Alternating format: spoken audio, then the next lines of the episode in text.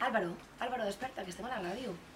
Però què fas, que t'adorms? Bueno, no, que m'he liat i que m'he liat. Com que et vas liar? Però si jo m'he sortit, si no hi ha llocs per sortir, estem en plena pandèmia. No, bueno.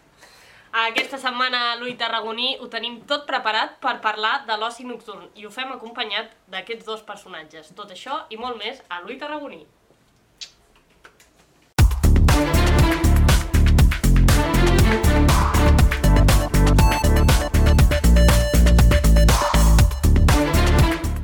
Moltes vegades s'ha qüestionat l'oci nocturn aquí a la ciutat de Tarragona, si el soroll, si n'hi ha molt, si n'hi ha poc i com hauria de ser.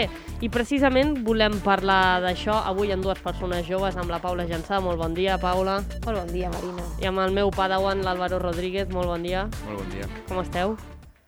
T'ha paraguant en directe. Sí, Home. sí. La- cop va dir pollito, vaig evolucionant. Exacte, l'estima s'ha de fer notar. Vinga, Paula, tu que ets més gran, ets més iaia. Eh, vas arribar a anar mai al port de Tarragona? No. Bueno, de fet, sí, vaig anar alguna vegada, però perquè hi havia sales que te les deixaven reservar, pues, típic de graduació de l'escola i aquestes coses. Però és veritat que els meus pares sempre m'han parlat molt bé del port fa molts anys. Anys i, 90 i 2000, eh? I ara ja, mm, quan jo ja sortia, ja no... Tu, tu sí vas arribar-hi? Jo havia arribat a anar a, algun, a les acaballes del port als meus inicis de començar a sortir, però ja no era un lloc que diguéssim molt segur, eh? Vull De, dir, bueno, de fet, passes caminant i veus que hi ha restes del de, que hi va haver en el seu moment, però que ja no queda absolutament res. Tu, Álvaro, això, llunyíssim. No, perquè jo, a més, quan vaig arribar a Tarragona, me'n recordo que allò del port era com una llegenda que tothom parlava. Bueno, els més veterans de, de la residència parlaven com del port. Oh, abans sí que molava, però jo no vaig veure res.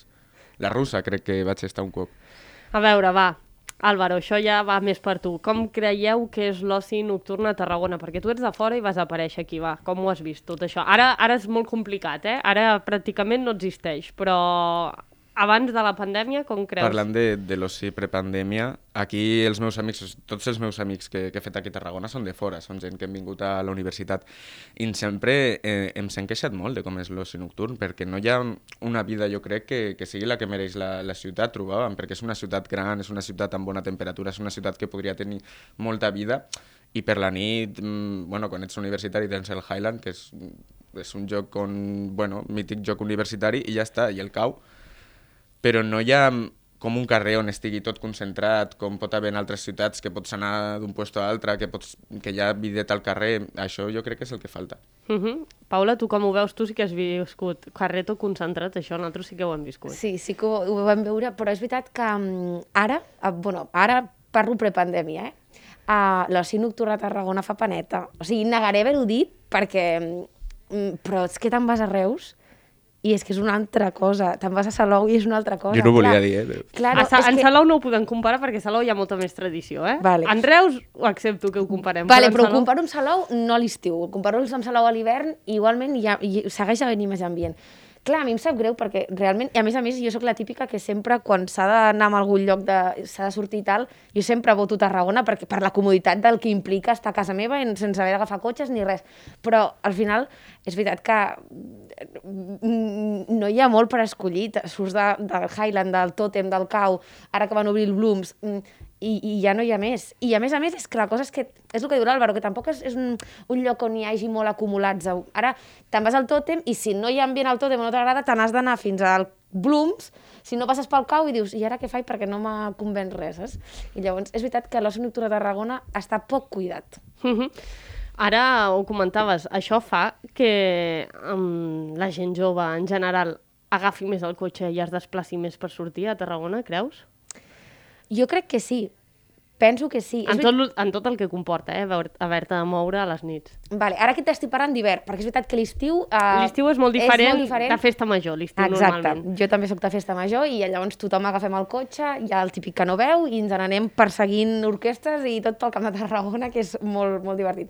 Però és veritat que l'hivern eh, eh, jo crec que es depèn, però sí que incita que molta gent, doncs això, o te'n vagis a Salou, o te'n vagis doncs, a algun altre lloc i, hagis, i t'impliqui que hagis d'agafar el cotxe perquè, mm, no ens enganyem, la gent no agafa el transport públic per anar a Reus per la nit. Mhm. Álvaro, tu com ho veus? I jo crec que sí, jo recordo moltes nits que, que anàvem a Salou a més de fora i eren com les nits especials i, i agafant taxi fins i tot, perquè nosaltres mm -hmm. hem estat aquí molts anys que no teníem cotxe cap i al cap i a la fi un taxi paga 5 euros per persona i t'anaves a Salou o t'anaves a altres puestos on sí que hi havia una mica més d'ambient, semblava. Uh -huh. Què falta a la ciutat, Álvaro, tu que ets de fora? pues no sé molt bé què falta, perquè o sigui, falten jo crec això que, que he dit, no? com un carrer, jo crec que aquest carrer que hi ha la Paralta, on quan van obrir el Blooms començava a generar-se una mica aquest ambient, entre la gent que sortia del caos, sortien del Blooms, hi havia ahí certa, certa dinàmica, i, i que realment sigui un carrer on puguis tenir un puesto on fer un beure de forma barata, un altre on ballar, un altre on jugar un billar o el que sigui, i que hi hagi un ambient a un carrer com, com es troba a altres ciutats com a Reus, que no la volia esmentar abans, però és que és veritat, allà al voltant de la plaça Mercadal hi ha un ambientillo que no és l'ambient propi dels bars, sinó ja és la gent que està al carrer. Jo crec que a Tarragona li falta això, li falta un lloc on la gent que vulgui sortir de nit pugui estar i, i, i, i estigui al carrer. Uh -huh. Però a Tarragona, sense tenir uh, aquests carrers, ja hi ha hagut més d'un cop queixes sobre soroll i oci nocturn als voltants del Cau, al Bloomsbury també hi ha hagut diferents problemes, que ho hem explicat aquí a Ràdio Ciutat diversos cops. Paula. Clar, és que la part, la part positiva que hi ha de tot això és que eh, la, al final a la plaça de la Font i tots els voltants de la plaça de la Font um, hi ha molts llocs on pots anar a prendre alguna tal fins les dues, tres, i de fet al costat del Cau, l'alquimista, vull dir que hi ha el déjà vu, hi ha un munt, tota la zona del final de, dels sedassos, la plaça, la plaça de la Font tot això, hi ha un munt de llocs on pots prendre alguna tal. El problema arriba quan són les dues, que ha aquests llocs comencen a tancar, que tu vols continuar a la nit i no tens opció de continuar a la nit tret dels tres llocs que ha, que hem, que hem mencionat abans, i que a més a més és que no sortim d'aquí. Llavors, què li falta? no sé exactament què li falta, però tenim una zona del port que, que ho dèiem al principi, que està totalment abandonada.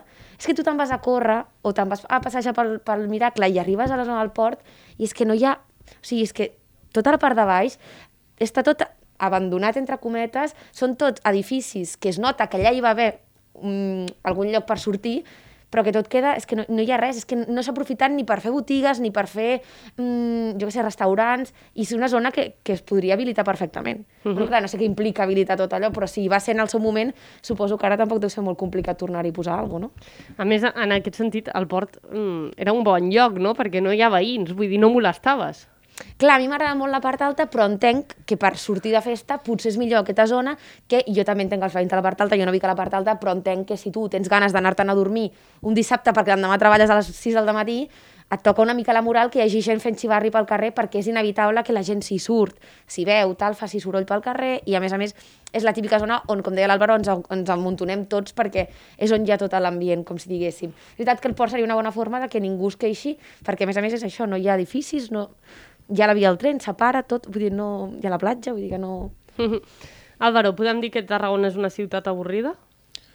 Pues jo l'he descobert amb el, amb el temps, però he tardat cinc anys en descobrir mm, com gaudir de Tarragona. Eh, és complicada, jo crec que Tarragona està molt feta pels tarragonins i la gent de fora és difícil que trobem on està l'ambient i, i on tu pots passar bé. Sí que és veritat que per mi la sensació dels primers anys venies de fora i dius com pot ser que una ciutat amb, amb tanta gent, perquè és una ciutat prou gran, eh, no tingui tant ambient i, i, i les festes que fèiem i la diversió que teníem era de sortir el nostre grupet junts i no juntar-nos massa amb la resta.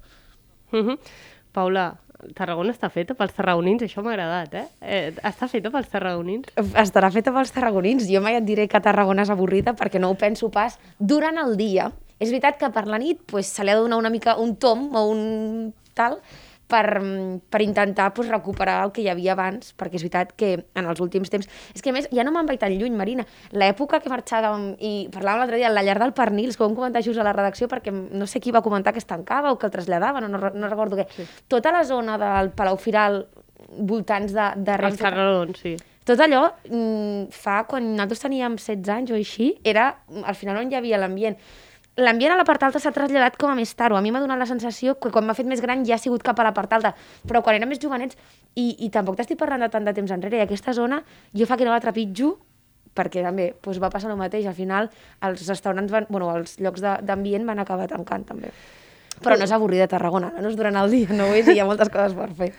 Eh, us preocupa que aquesta situació pugui deixar Tarragona sense oci nocturn? Perquè és molt complicada aquesta situació. Pensem que porten gairebé dos mm, anys, no dos anys, perquè van tenir l'impàs aquell del mes de juliol passat, que van obrir tres setmanes, crec que eren, eh, que no han pogut obrir cap discoteca, ni bar de nit, ni pràcticament res, Álvaro.